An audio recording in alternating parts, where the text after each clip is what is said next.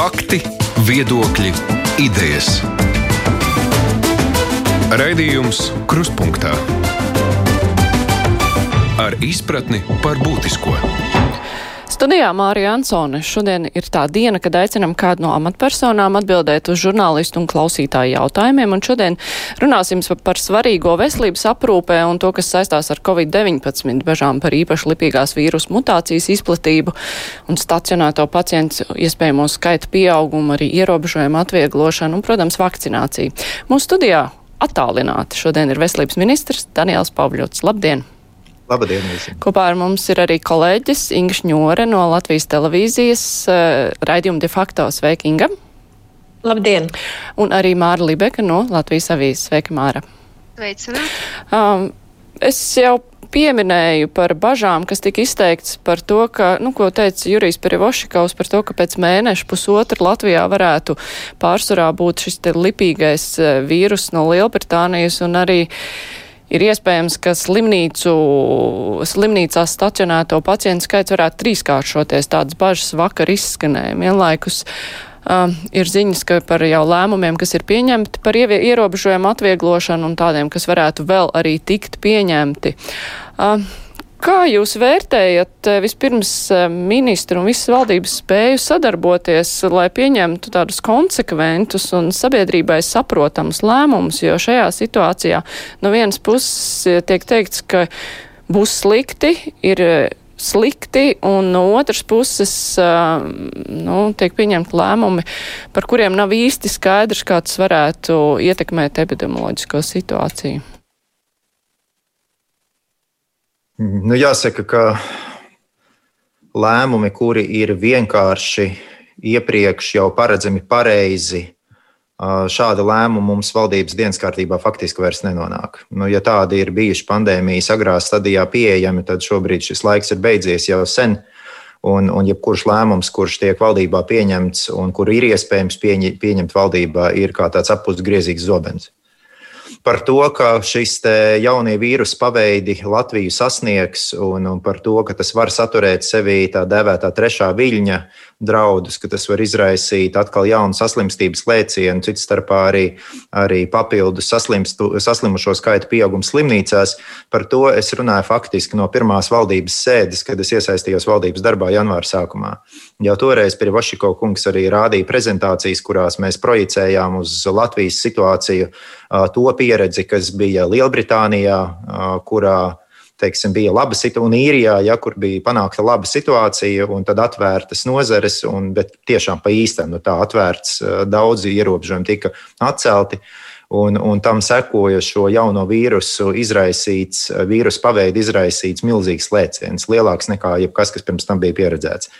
Līdz ar to mēs valdībā par to esam diskutējuši jau daudz sēdes pēc kārtas. Tā nav jauna informācija. Ja? Šobrīd tās ja, atklātās valdības sēdes pienes savu uh, ar tavu sabiedrības izpratnē par to, par ko valdībā diskutē. Bet šie ir jautājumi, par ko mēs esam runājuši jau senāk.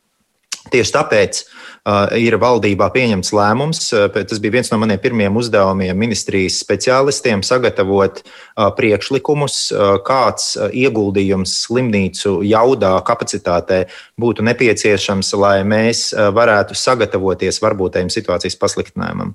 Tāpēc valdība atbalstīja mūsu lūgumu piešķirt papildus 66 miljonus eiro slimnīcu aprīkojumu iegādēji, zāļu iegādēji intensīvās terapijas nodeļu pielāgošanai, paplašināšanai, to starp telpu pielāgošanai. Piemēram, Rīgas Austrum Kliniskajā universitātes slimnīcā, kas ir vislielākais ieguldījums no visiem, ir paredzēts par šiem līdzekļiem šogad nodalīt infekciozo pacientu plūsmu no pārējiem uzņemšanas nodaļā. Tas ir divas dažādas ieejas, tas ir divas dažādas plūsmas. Šobrīd tas nav iespējams. Diemžēl Covid pacientus ved cauri turpat un, un lieku observācijas šajās um, observācijas vietās, uh, boxos, saucamajos, jeb, jeb telpiņās, uh, turpat, kur pārējos. Ja.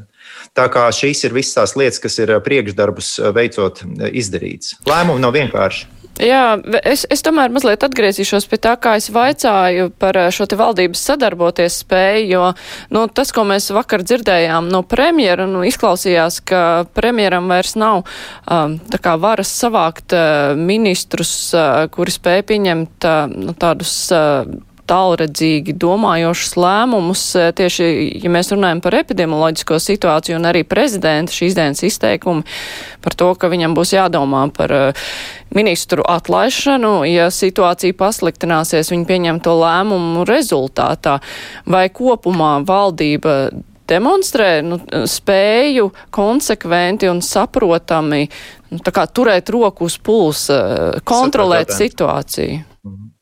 Situācija, protams, ir grūta. Tad, kad notiek šīs diskusijas valdības sēdēs, tad ir faktiski parasti trīs balsis, kuras iestājās par šo epidemioloģisko apsvērumu likšanu priekšplānā. Tā ir premjera balss, tā ir mana balss, un, un tas ir Jurijs Pirvošikovs, vai nu reizēm arī Uga Dumpis, kurš no speciālistiem piedalās sēdēs. Tā pašā laikā, ja mēs raugamies uz faktiem, kādi lēmumi valdībā ir tikuši pieņemti pēdējās nedēļās, tad tie kopumā, kopumā ir daudz maz pareizā virzienā manā vērtējumā. Tāpēc jau es arī šiem lēmumiem koleģiāli līdz šim esmu piekritis. Pirmkārt, tika apstiprināts šis Luksafora dokuments, kas veido nu, tādu kā nu, virzienu norāde, kā mums būtu, kā valdībai jārīkojas. Ka jebkura atvieglojuma ir iespējams soli pa solim, un ka būtiskas izmaiņas var tiešām paredzēt tad, ja saslimstība būtiski samazinās. Valdība līdz šim ir pieturējusies pie šī soli pa solim principa. Mēs lēmumu, piemēram, atvērt visas mazās klases visās skolās neesam pieņēmuši, tāpēc tika piedāvāta šī reģiona pieeja. Reģiona pieeja nozīmē to, ka mazās klasītes šobrīd atsāka klātienes mācības tikai tajos novados, kur saslimstība ir zem 200. Ja, tas ir luksofora princips. Ja ir 200, tad var darīt lietas, kuras nevar darīt citur. Ja. Nu, attiecībā uz, uz skaistumkopšanas nozari nu, tas spiediens ir bijis daudz nedēļu garumā. Arī sabiedriskajos medijos ir bijis bezgalīgi daudz ziņu. Uh, tāds spiediens no nozares atsākt darbu. Un es saprotu, Jo tad, kad es runāju ar nozari, viņi saka, tā, mēs saprotam, ka strādāt ar klientu klātienē, seju pret seju ir bīstami, bet mums nav iztiks līdzekļu. Un tad man atliek vērsties, un es saprotu, ka cilvēki dusmojas uz mani un prasa man demisiju. Bet es pavēršos pret ekonomikas un finanšu ministriem un saku, klau, nu, ja, ja nozare nesaņem naudu, tad viņiem ir jāatrod veids, kā nozarēm, kuras šobrīd paliek slēgtas, kā šo finansējumu piešķirt. Jo pretējā gadījumā tas viss pavēršas pret epidemioloģisko situāciju. Tad vainīgi esam mēs ar Juriju Pirvašikovу. Ja? Un tā nav laba situācija, kur atrasties. Kopumā līdz šim mēs esam turējušies, bet nu, spiediens no nozarēm, kur cilvēki daudz arī ir izmisuši, ir, ir milzīgs. Sabiedrība ir nogurusi, pamatvaidzības ir sakrājušās. Tā pašā laikā saslimstība krītas ļoti lēni, tas acīm redzot liecina par to, ka sabiedrība nu, rīkojas droši vien veidos, kas neļauj saslimstībai samazināties. Acīm redzot, tiek notiek kontaktēšanās. Mēs zinām, ka saslimstības galvenais avots šobrīd ir ģimene. Tas mm. nozīmē, ka cilvēki atnes to slimību mājās no citurienes, no darba mhm. vietām, no, no kaut kurienes, kur satiekās mm -hmm. ar mhm. citiem cilvēkiem. Jā, kolēģi, Inga. Jā, es tieši to gribēju arī vaicāt, eh, kādēļ, vai jūs esat analizējuši, tad eh, kādēļ Lietuvā viņi ievies pasākums un viņiem izdevās nospiest šo rādītāju zemē.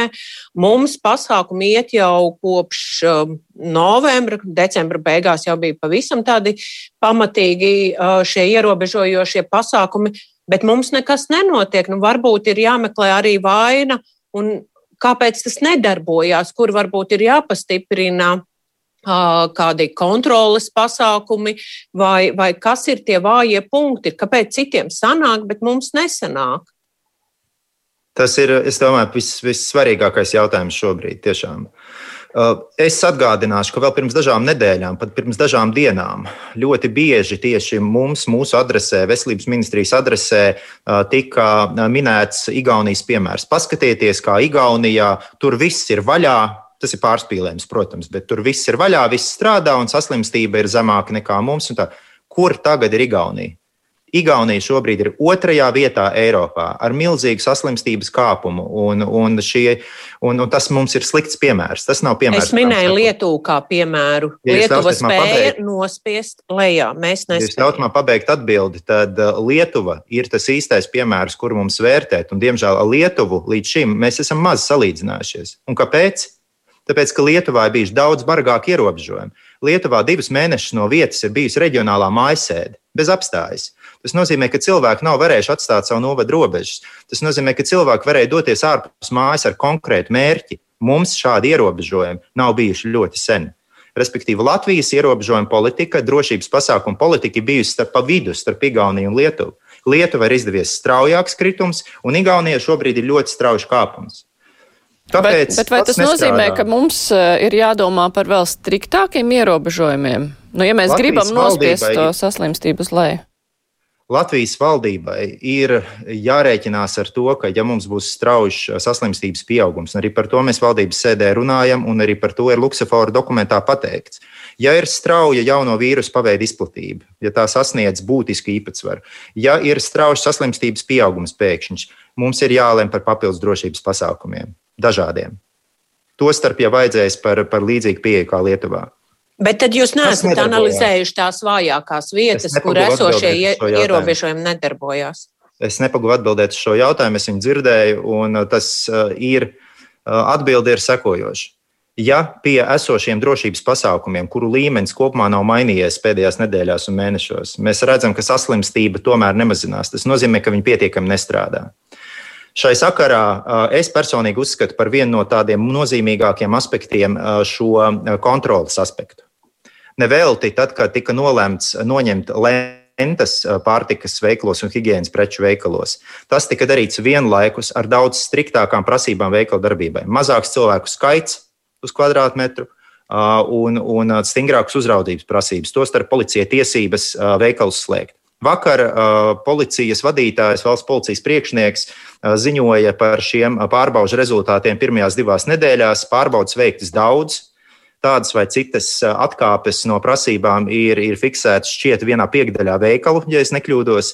Tā pašā laikā slēgts nav neviens. Ja? Kontrolas pasākumi ir kritiski. Manā skatījumā vissvarīgākie kontrolas pasākumi ir veicami attiecībā uz cilvēkiem, kam ir jāievēro pašizolācija pēc ceļošanas.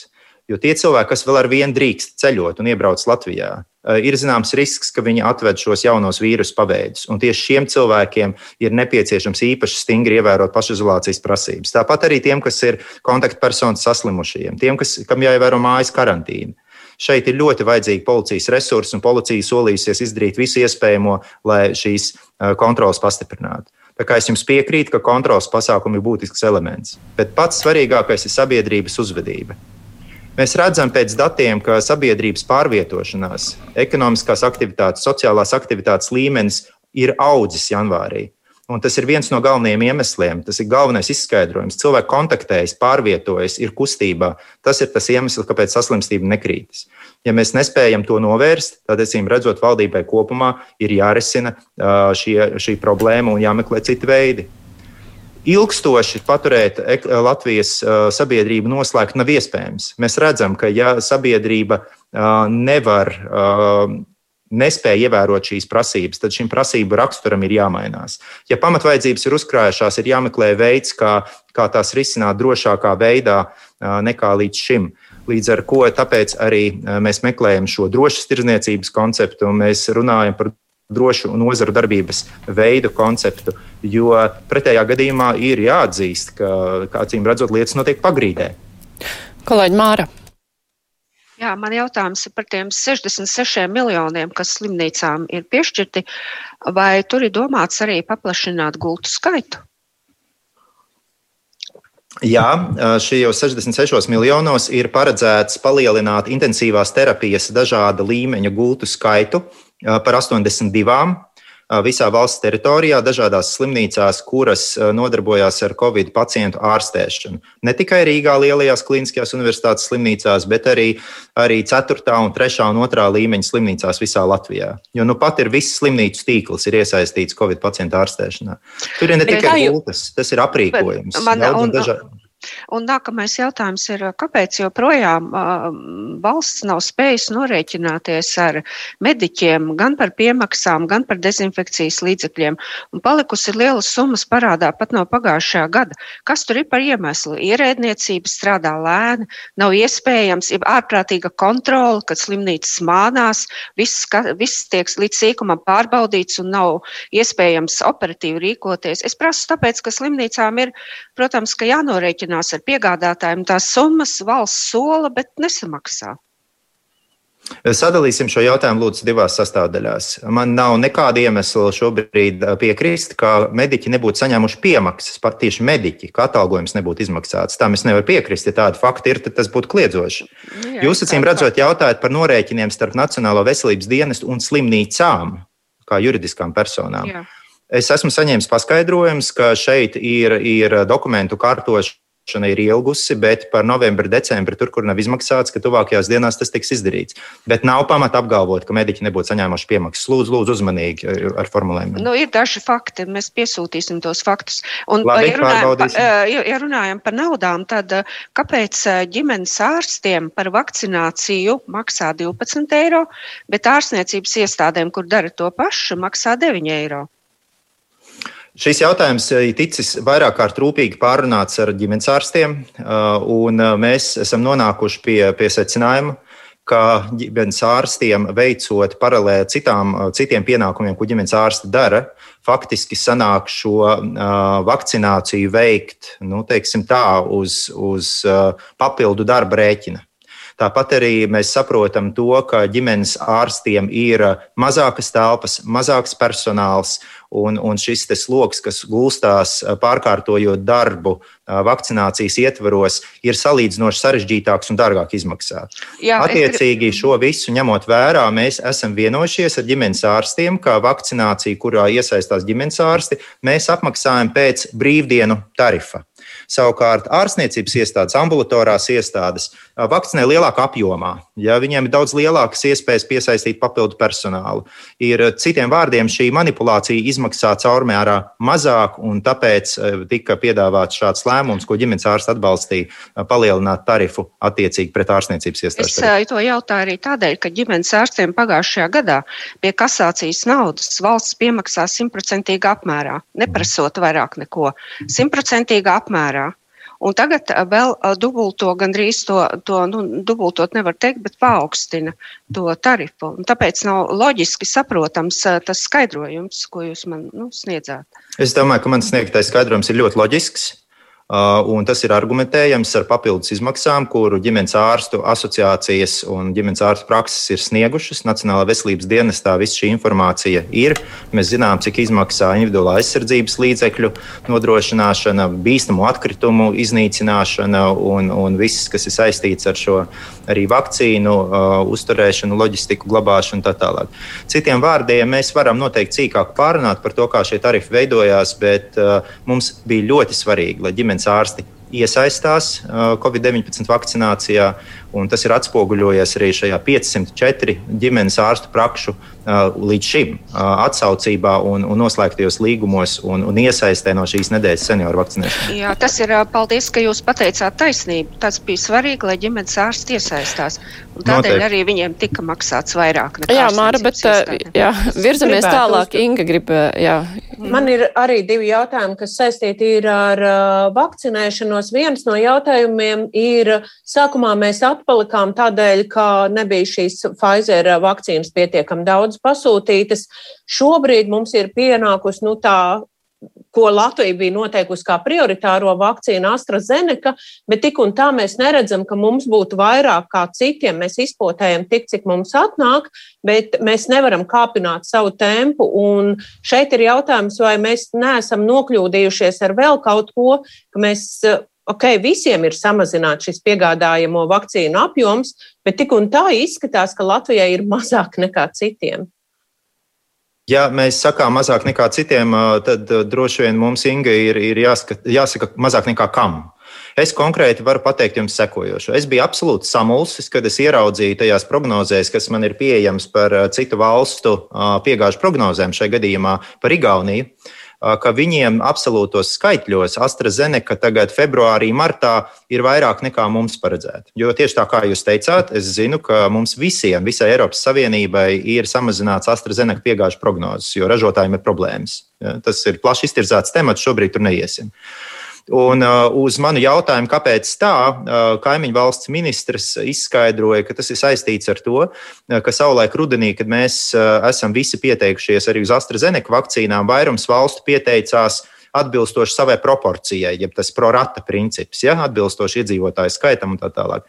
Savukārt Igaunija līdzīgi kā mēs, ir likuši ļoti lielu uzsvaru uz AstraZeneku, bet vēl vairāk. Citiem vārdiem, viņi ir pieteikušies un arī pasūtījuši reāli šķiet ap pusotru reizi no savas proporcijas. Tātad vairāk nekā savu prorata.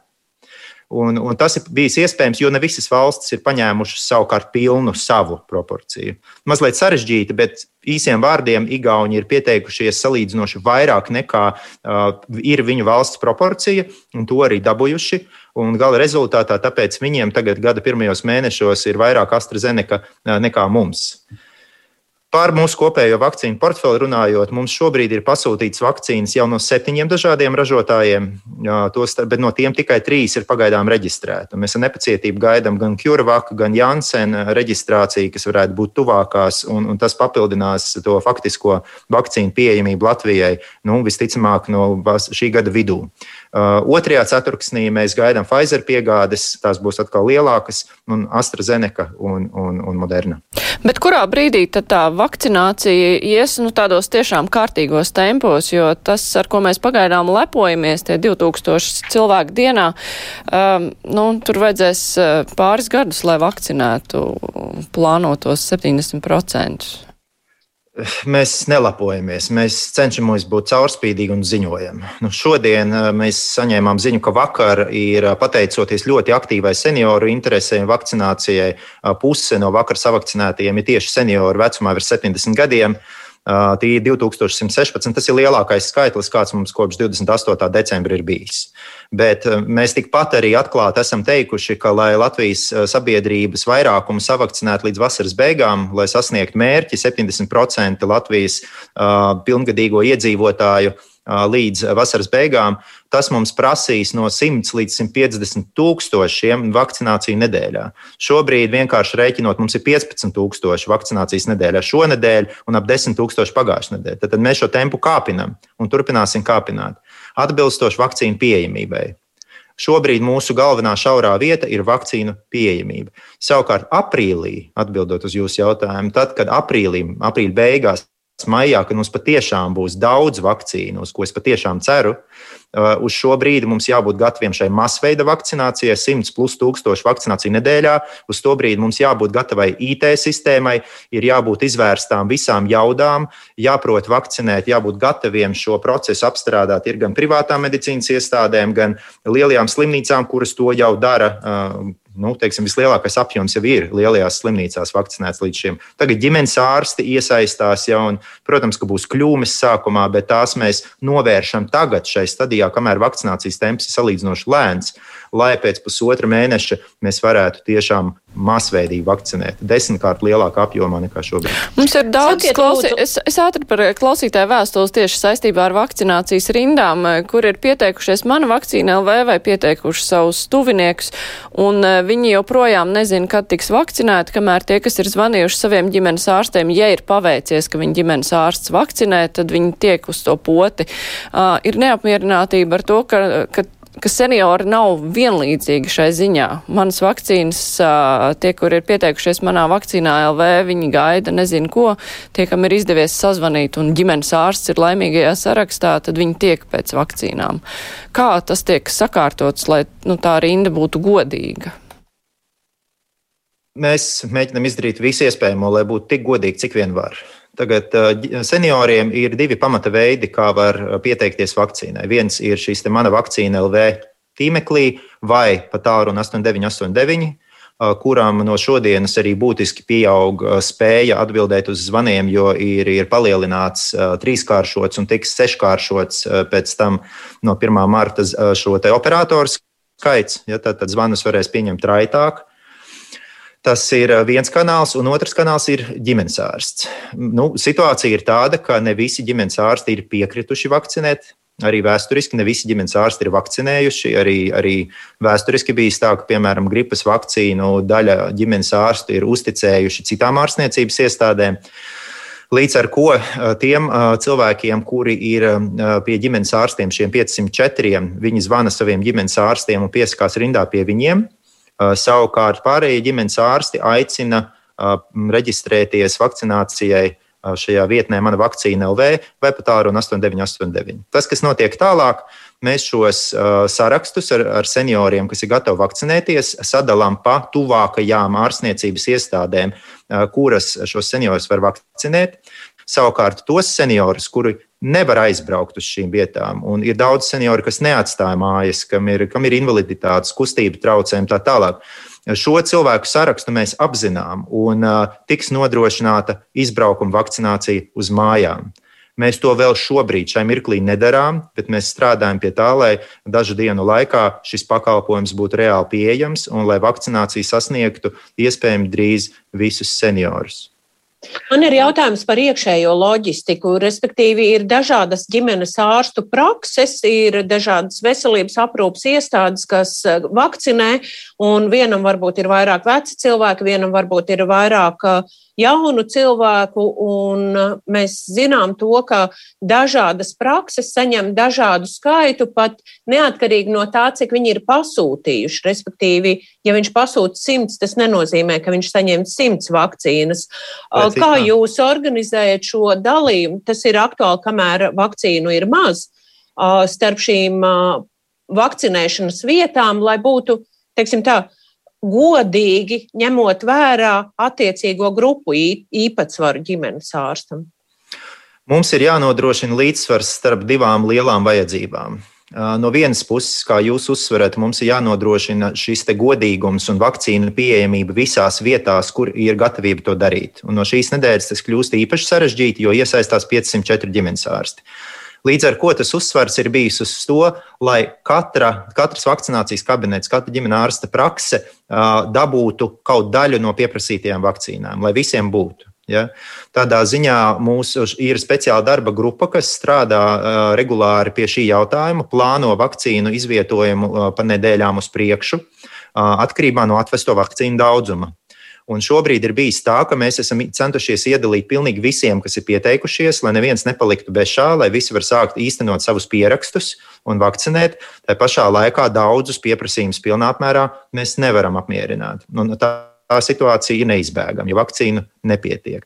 Tā pašā laikā ir otrs princips, kas mums jāievēro. Mums jānodrošina raita vakcinācija raita vakcinācija. Mums, diemžēl, pagājušajā nedēļā bija šī nepatīkamā situācija, ka slimnīcas bija pārreikinājušās ar vakcīnu pasūtījumiem. Vakcīnas bija, potēšanas kabineti stāvēja pustukši, jo tobrīd eh, mediķi vairs tik raiti nevakcinējas, kā tas bija janvārī. Ja? Tas pieprasījums krītas, jo vairāk nekā puse mediķu ir savakcinēti. Līdz ar to mēs ar steigu vērām vaļā senioru vakcināciju. Sanāca tur kļūmes. Ja, pirmajā dienā nebija līdz galam slimnīcām novadīta informācija par to, kādā veidā vakcinēt mana vakcīna reģistrētos seniorus un tā tālāk. Veidojās kaut kādas situācijas, ka cilvēki zvanījās riņķī un, un, un viņiem izdevās apiet šo kopējo rindu. Un, un tādu jucekli mēs tiešām negribam vairs piedzīvot. Līdz ar to mēs mēģinām salāgot šo raitu vakcināciju, un tajās vietās, kur var vairāk izvakcinēt, attiecīgi novirzot salīdzinoši lielāku vakcīnu daļu, tā pašā laikā nodrošinot, ka vakcīnas ir katrā vietā, kur tiek vakcinēts. Tā kā pie šī mēs turpināsim strādāt, šī ir pirmā nedēļa, kad mums ir tik liels vakcinētāju skaits, un šis vakcīnu sadales mehānisms būs jāpilnveido. Piemēram, mums pēc divām nedēļām būs tāds iekritiens vakcīnu piegādēs. Tas nozīmē, ka mēs nākamajā nedēļā drusciņu daļu vakcīnu pieturēsim, lai nebūtu tā, ka ģimenes ārsti, kas būs pasūtījuši vakcīnas uz aiznākamo nedēļu, neko nesaņemtu. Tā būtu slikta situācija. Viņiem būtu jāatzvan saviem pacientiem, jāsaka, nenāciet, man nav vakcīna. Tā nevajadzētu būt. Tāpēc mēs mēģināsim šo vakcīnu sadali izlīdzināt pa nedēļām, lai vakcinācija ir raita un lai katru nedēļu ģimenes ārstiem ir ko vakcinēt. Jā, bet ģimenes ārsti jau nezina, cik konkrētajā reizē viņi vakcīnu saņems. Tādēļ viņi to rindu var veidot un šos pacientus apzvanīt tikai pēc tam, kad viņiem ir notikusi piegāde. Ne, Respektīvi, nu, jā, pirmdienā nē. piegādā, jā, nē. otrdienā viņš apzvan, trešdienā Negluži. vakcinē. Negluži. Uh, tā tad ir divas lietas sanāk kopā. Tātad ģimenes ārstam zināmais pieraksts un no otras puses vakcīnu piegādes. Vakcīnu piegādes tiek prognozētas nedēļai uz priekšu. Tad, kad ir zināms nākamās nedēļas vakcīnu apjoms konkrētai ģimenes ārsta praksē, tad to nākamo nedēļu ģimenes ārsta praksi var saplānot. Tā mēs centīsimies strādāt. Nu, mums ir jāsadabū šīs divas nezināmās lietas kopā. Cik būs pacientu gatavi vakcinēties pie ģimenes ārsta, cik ir liels viņa pieraksts un cik vakcīna būs pieejama konkrētai ģimenes ārsta praksē nākamā nedēļā. Tas ir sarežģīts koordinācijas process, un, un tieši tāpēc jau Tāpēc jau ir nepieciešami cilvēki, kas speciāli to strādā. Runājot par godīgu un taisnīgu rindu, tad kas tagad ir prioritāri? Vecums vai profesija? Vai abi kopā? Mēs esam nu, uzsākuši kritērijs. kritērijs. Jā, domāju, kurš ir galvenais kritērijs tagad - vecums vai profesija? Galvenais kritērijs šobrīd Libeks kundze šajā stadijā ir, cik liels ir apdraudējums cilvēkam saslimt, nopietni saslimt vai nomirt. Tas ir galvenais kritērijs. Šajā stadijā mēs esam noteikuši, ka tiek vakcinētas trīs grupas. Pirmie bija mediķi un ārstniecības iestāžu darbinieki, otrā grupa - sociālās aprūpes centru darbinieki un, un klienti, iedzīvotāji, un trešā grupa, kuru mēs uzsākām pagājušajā nedēļā, ir seniori vecumā virs 70 gadiem. Mediķu skatījumā visā pasaulē, atbilstoši Pasaules veselības organizācijas, Eiropas komisijas un citu organizāciju starptautiskai praksē un citu valstu praksē, šīs ir tās grupas, kuras vakcinē pirmām kārtām, jo te ir vislielākā noslodze veselības aprūpas sistēmai, vislielākie riski saslimt smagi un, un, un pat nomirt. Līdz ar to Līdz šim medicīniskais risks uh, ir bijis galvenais kritērijs, uh, kāpēc primāri tiek vakcinēti mediķi, sociālās aprūpes centra iedzīvotāji un seniori. Turpmāk, sākot no piektās grupas, sestās grupas, tur jau paliks svarīga arī profesija bet šobrīd tas pamatā ir, ir vecums un saskarsme ar, ar saslimšanas iespēju, saslimšanas risku. Man ir, jā, man ir jāatgādina klausītājiem un Latvijas televīzijas skatītājiem, ka šodien uz žurnālistu un klausītāju jautājumiem atbild veselības ministrs Daniels Pauļots, un kopā ar mums ir arī žurnālisti Māra Libek no Latvijas avīzes un Inga Šņor no Latvijas televīzijas. Raidījums Krustpunktā. Man tomēr ir eh, arī jāļauj klausītājiem izteikties. Es arī mēģinu apkopot ļoti daudzās vēstules, kuras ir pienākušas, un uh, mums daudzi klausītāji vaicā par sabiedrisko transportu, par to, kā ir paredzēts, ja jūs minējāt, ka ir nepieciešams pastiprināt kontroli, kā ir, eh, kas tiks darīts, lai pastiprinātu kontroli sabiedriskajā transportā vai ierobežotu vispār braucienus, jo tiek minēti piemēri, ka Gruzijā, piemēram, ir daudz pakalpojumu atļauti, tajā pašā laikā transports sabiedriskais arī starppilsētu ļoti ierobežots. Un uh, tur viņiem ir izdevies uh, veiksmīgi ar šādiem pasākumiem uh, panākt kādus rezultātus.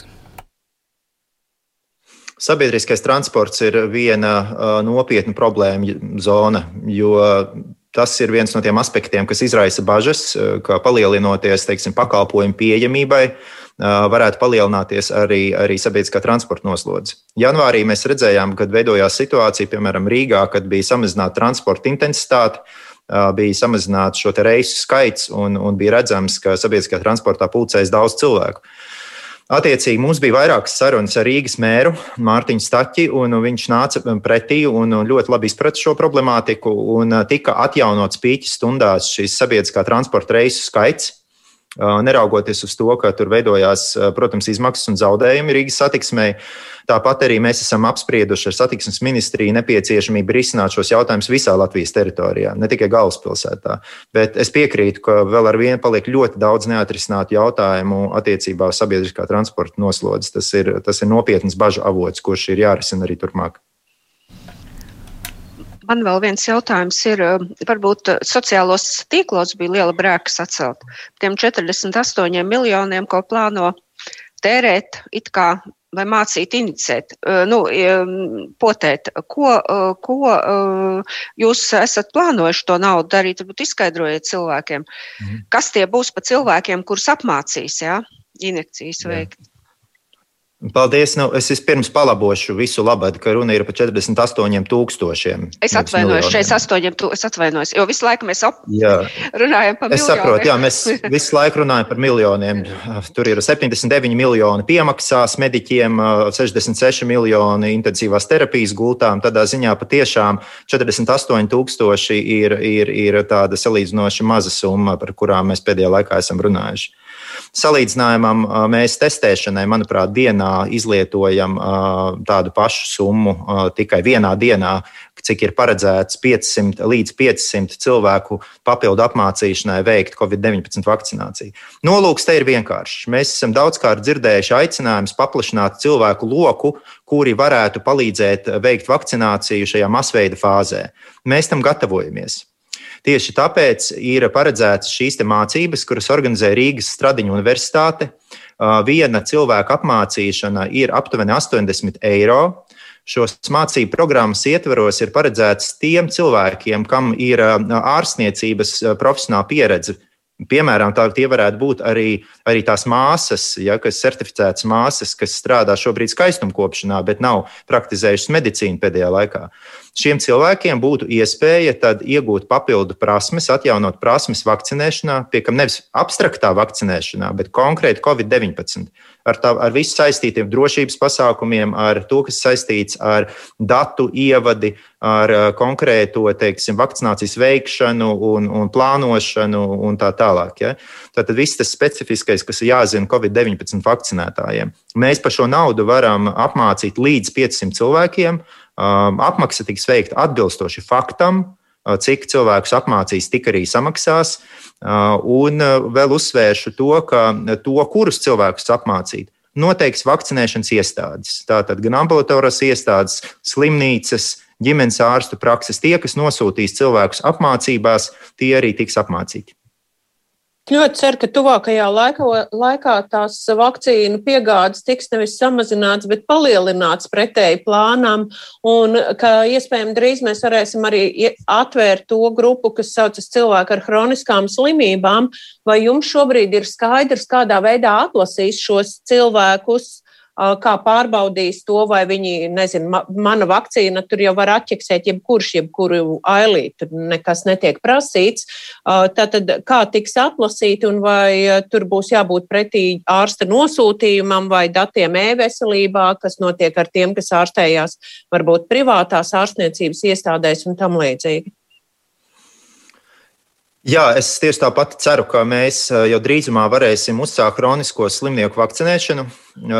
Tā pašā laikā piebildīšu, tomēr, ka seniori vecumā par 70 gadiem ir ļoti liela grupa. Tur ir vairāk par 200 tūkstošiem cilvēku. Daļa gan pārklājās, daļa gan, protams, ir cilvēki arī ar kroniskām saslimšanām. Uh, Līdz ar to es šobrīd nepateikšu konkrētu datumu, kad mēs varēsim to uzsākt. Šīs nedēļas prioritāte ir uzsākt mājas vizītes, tātad guļošo senioru vakcināciju. Tas mums ir ļoti akūts jautājums.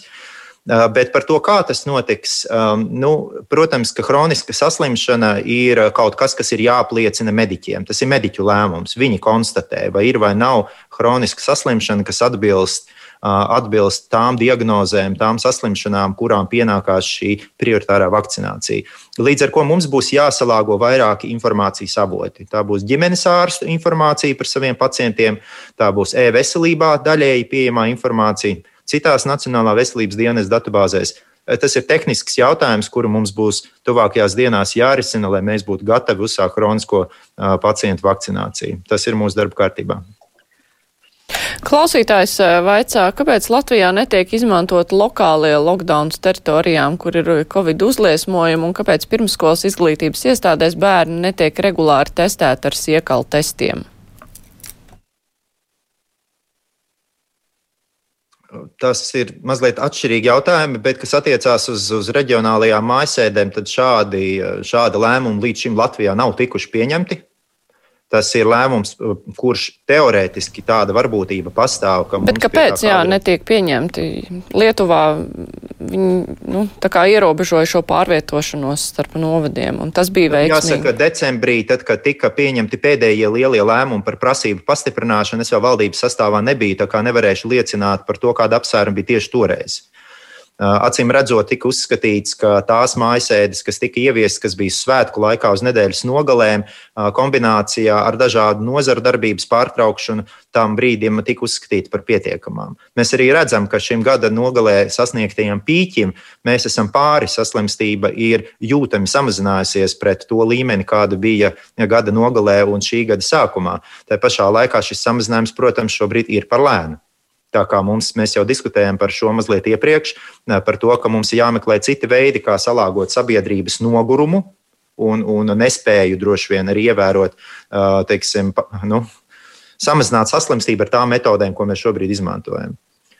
Un siekālu testi bērniem tā, nu, masveidā, lai ātri izķertu Mēs pagājušajā nedēļā valdībā uh, saņēmām atbalstu veselības ministrijas piedāvājumam uh, paplašināt testēšanu. Mēs paplašinām, paplašinām testēšanu vairākos virzienos. Pirmkārt, tā dēvētais rutīnas skrīnings, jeb uh, cilvēku testēšana, kuriem nav simptomu, ja tostarp arī izglītības iestādēs. Tas bija ļoti būtisks priekšnoteikums, lai mēs varētu piekrist, kā veselības ministrija, Šaplinskas kungs uzstājīgam lūgumam atvērt skolas. Ja tas, ko mēs varējām piekrist, ir, ka tikai drošajos reģionos zem 200, sekojot līdz tam sarakstam no nedēļas uz nedēļu, un pie nosacījuma, ka notiek šī testēšana. Ja? Jau pirmās ziņas vakar droši vien pamanījāt, ka uh, izskan pirmās ziņas, ka tā, daļa skolu, dažas skolas, kuras tika atvērtas šajos drošākos reģionos, atkal ir aizvērtas cieti, jo šis rutīnas skrīnings ir parādījis, ka vai pedagogiem vai administrācija ir covid. Ja? Tā kā šī te rutīnas testēšana, asimptomātisko jeb bez simptomiem cilvēku testēšana ir būtisks drošības pasākums turpmāk. Bet tas notiek arī bērnu dārzos vai tikai nu, parastajās skolās, kas tiek atvērtas? Tam būtu jānotiek arī bērngārzos. Par to es precīzāk varētu atbildēt ārpus raidījuma. Centīsimies nopublicēt atbildi šo jautājumu. Man vēl viens jā. jā. Man vēl viens jautājums, tāds maziņš cienījumā ministra, vai tā ir taisnība, ka no tā mm, saites mana vakcīna.lv tos eh, cienījumu vecumu cilvēkus ķeksē ārā manuāli, proti raksta uz papīra, ja, ka nav sistēma elektroniski to neveic. Es nezinu, kur jūs to esat dzirdējis, bet uh, mums ir pakalpojums sniedzējs ZZ Dats, kurš uh, ir uh, veids šo pakalpojumu, kas nodrošina šo mana vakcīna datubāzes uzturēšanu. No turienes šie dati tiek izvadīti ārā un nosūtīti slimnīcām un ģimenes ārstu praksēm. Es domāju, gan, ka tomēr tas nenotiek uz papīra. Es un noteikti ne ar roku. Noteikti ne ar roku. Droši vien, ka ne, varbūt tiešām ne uz papīra un ne ar roku, bet tas ir vakcinācijas birojas, ir ielicis vakardien šķiet, vai šo, nezinu, vai nu vakar vai šodien Twitterī, ka tie, kurus, viņ, es tagad nocitēšu viņu tvītu, Tie, kuru ģimenes ārsts nevakcinē, vakcinēs tuvākie vakcinācijas punkti. Ģimenes ārsti vēl nav saņēmuši sarakstus tātad ar šiem cilvēkiem, jo šobrīd sarakstu apstrāde ir manuāls darbs, kas prasa laiku vairākas dienas. Tātad laiku vairākas dienas, lai no šīs manas vakcīnas laukā dabūtu noteiktu cilvēku grupu. Un tam tā nevajadzētu būt. Precīzi tāpēc mēs valdībā lūdzām atbalstīt speciālas IT sistēmas izveidi vakcinācijai, kura automatizēti veiktu gan šo, gan daudzas citas lietas. Kura Bet šo var izdarīt vienkārši cilvēks ar pietiekamām IT prasmēm. Tas nav pārāk sarežģīti. Tieši to arī dara cilvēki ar pietiekamām IT prasmēm. Viņi sadala šo datubāzi un izvada nepieciešamos sarakstus pa, nu, tagad mums ir pāri pa 600 vietu, kur veids vakcināciju. Zināms, cilvēku darba ieguldījums tur ir nepieciešams, un jā, diemžēl tas paņem zināmu laiku. Šī situācija tiks uzlabota, ieviešot jauno vakcinācijas sistēmu. Viņa tiek izstrādāta, rekordīsā laikā noslēgts līgums ar piegādātājiem no Latvijas ar cilvēkiem, ar uzņēmumiem, kas ir bijuši iesaistīti veselības aprūpas sistēmas digitalizācijā arī līdz šim, un viņiem ir šobrīd iespēja parādīt visu iespējamo un neiespējamo, ko ir iespējams īsā laikā izdarīt, lai Latvija tiktu pie automatizētas vienotas vakcinācijas sistēmas. Es eh, vēl gribētu nedaudz atgriezties pā, pie naudas lietām. 9. februārī valdība lēmā piešķirt 40 miljonus dažādām slimnīcām, medicīnisko iekārtu un papildu aprīkojuma iegādēji. Un tur šīs summas ir ļoti, ļoti dažādas. Un tas, ko es pamanīju, ka, piemēram, Jēkabpils slimnīcai ir iedoti 4,4 miljoni, Reizeknes un Ziemeļkurzemes slimnīcai pa nepilns pusotras miljonus, Pārējiem jau krietni mazākas summas, līdz apmēram pusmiljonam. Vai jums bija kaut kāds audits, pēc kura tad šīs vajadzības tika sakārtotas, kādēļ mm, Jēkabpilī ir 4 miljoni, bet Daugaupilī 12 tūkstoši? Atbilde ir jā. Šis, jāsaka, gan, ka runa bija nevis par 40, bet par 66 miljoniem kopumā. Jūs acīm redzot, skatāties. Jā, tieši tā. Jūs runājat par daļu no šiem 66 miljoniem, kas attiecās visticamāk uz infrastruktūras ieguldījumiem, iekārtām un tam līdzīgi. Jo pārējais ir papildu tarifs, papildus maksājumi par observācijas procesu, papildus maksājumi par intensīvās terapijas pakalpojumu sniegšanu. Nē, nē, šis ir Kopā tieši par medicīniskajām iekārtām jā. un papildu aprīkojumu. Jā, bet arī tie pārējie, tā trūkstošā 20 plus miljonu daļa attiecās uz visu veselības sistēmu, uz, uz visām slimnīcām Latvijā. Tātad šie 40 plus miljoni tika sadalīti atbilstoši tai informācijai, kuru sniedza slimnīcas, pārbaudot šo informāciju, veicot korekcijas. Mums bija nopietnas diskusijas arī ar Finanšu ministriju par šiem jautājumiem. Un to atšķirību nosaka nepieciešamība. Piemēram, Jēkabpils slimnīcas gadījumā no reģionālajām, lokālajām slimnīcām Tas ir vislielākais ieguldījums tā vienkāršā iemesla dēļ, ka Jēkabpils slimnīcā, lai būtiski palielinātu intensīvās terapijas pakalpojumu apjomu, ir nepieciešams pielāgot telpas. Tad tur ir nepieciešami būvdarbi. Tieši tāpat kā no visām slimnīcām vislielāko ieguldījumu saņēmis Rīgas Austrumkliniskā universitātes slimnīca, kuras jau pieminēju, kur ir nepieciešams pārbūvēt uzņemšanas nodaļai atsevišķu ieeju infekcioziem pacientiem. Iekārtu aprēķini ir veikti atkal atbilstoši slimnīcu gatavībai izvērst jaunas intensīvās terapijas gultas, Atkarībā no tā, kura līmeņa gultas tās ir, jo salīdzinoši vidējā vai augstākā līmeņa intensīvās terapijas gultām ir ļoti dažāds aprīkojuma līmenis, ļoti dažādas iekārtu izmaksas. Līdz ar to šie piešķīrumi veikti pēc fakta, apzinot slimnīcu vajadzības un gatavību attīstīt šos intensīvās terapijas pakalpojumus. Summas ļoti dažādas. Reizeknē, piemēram, ir datortomogrāfs jauns, kas bija viņiem ļoti nepieciešams. Citur atkal šādas iekārtas netiek pirktas. Jēkabpilī tiek veidot arī speciāla vēl šī iekšējā aptieka intensīvās terapijas vajadzībām, lai ir, ir medikamentu krājums intensīvās terapijas pakalpojumu sniegšanai un tā tālāk. Tā kā no vienas slimnīcas uz otru šie piešķīrumi ļoti dažādi. Bet tas nav tādēļ, ka Jēkabpils uh, bijušais mērs ir finanšu ministra padomnieks un slimnīcas valdē ir cits jaunās vienotības biedrs. Tur tā sadala netika veikta pēc partiju principa. Es neesmu jaunās vienotības biedrs. Nē, finanšu ministrs ir no jaunās vienotības. Es... Uh, Pieprasījumu sagatavoja um, Veselības ministrija un Finanšu ministrija drīzāk šajā gadījumā bija tā skeptiskā puse, kuru mūs aicināja pārskatīt vēl virknē gadījumu un samazināt šos pieprasījumu apjomus. Klausītājs vaicā, uz cik ballēm jūs vērtējat vakcinācijas biroja darbu līdz šim no 1 līdz 10? Jūs pirms tam teicāt, ka pārāk liels gaidas ir uzliktas eh, šim birojam. Kādas tad būtu tās atbilstošās gaidas? Tas, tā ir mana piebilde savukārt. Tas darba uzdevums, kas vakcinācijas birojam ir dots, ir nodrošināt, ka visas daudzās puses, kas ir iesaistītas šajā megaprojekta īstenošanā, būtu koordinēti, panāktu galveno rezultātu. Tādu vakcinācijas tempu, ka mēs izlietojam Latvijai pieejamās vakcīnas iespējami īsā laikā. Galvenais eh, parametrs, kas šobrīd kas liecina par to, kā veicas, ir šis vakcinācijas apjoma izmaiņas. Kā jau minēju, vakar šis eh, skaitlis ir bijis pagaidām lielākais. Nākamnedēļ mēs turpināsim šo apjomu kāpināt, un es aicinu šo kritēriju arī vērtēt kā galveno, kā vakcinācijas birojam veicas. Sistēma ir sarežģīta, iesaistīto pušu ir daudz, slimnīcas ir lielas, tas šie nav kuģi, kurus ir iespējams ātri vienkārši pagriezt. Vakcinācijas procesu mēs īstenojam savādāk nekā tas līdz šim jebkad ir īstenots, jo faktiski nav bijis šāda mēroga uzdevuma un, un ar tādu laika spiedienu. Tā kā vakcinācijas birojas šobrīd, manuprāt, sadarbībā veselības ministriju ar padotības iestādēm ir izdarījis lielu darbu, kura rezultātus mēs redzēsim tikai nākotnē. Šobrīd es droši vien vērtētu paveikto darbu ar 6 vai 7. Man vēl ir jautājums par zālēm. Šodien eh, dienā bija tāda neliela publikācija par monoklonālajām antivielām, kur saprotams, ka eh, viss pasauli tāpat kā cīnās par vakcīnām, cīnās arī par jaunās paudzes zālēm pret covid. Un jautājums, eh, vai tā ir tiesa, ka Latvija ir pasūtījusi tikai simts devas šo pagaidām vēl nereģistrēto zāļu, un kāpēc simts? Šis jautājums tika skatīts eh, speciālā eh, darba grupā Veselības ministrijā. Tajā bija iesaistīti vadošo slimnīcu speciālisti, galvenie speciālisti šajā Covid-19 ārstniecībā.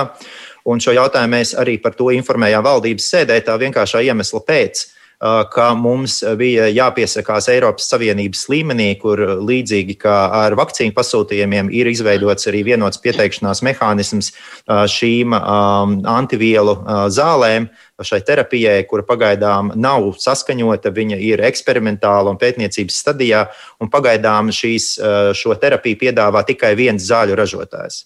Ir paredzams, ka drīzā laikā līdzīgas terapijas, iespējams, labākas, piedāvās arī citi zāļu ražotāji. Pie tā tiek strādāts visā pasaulē.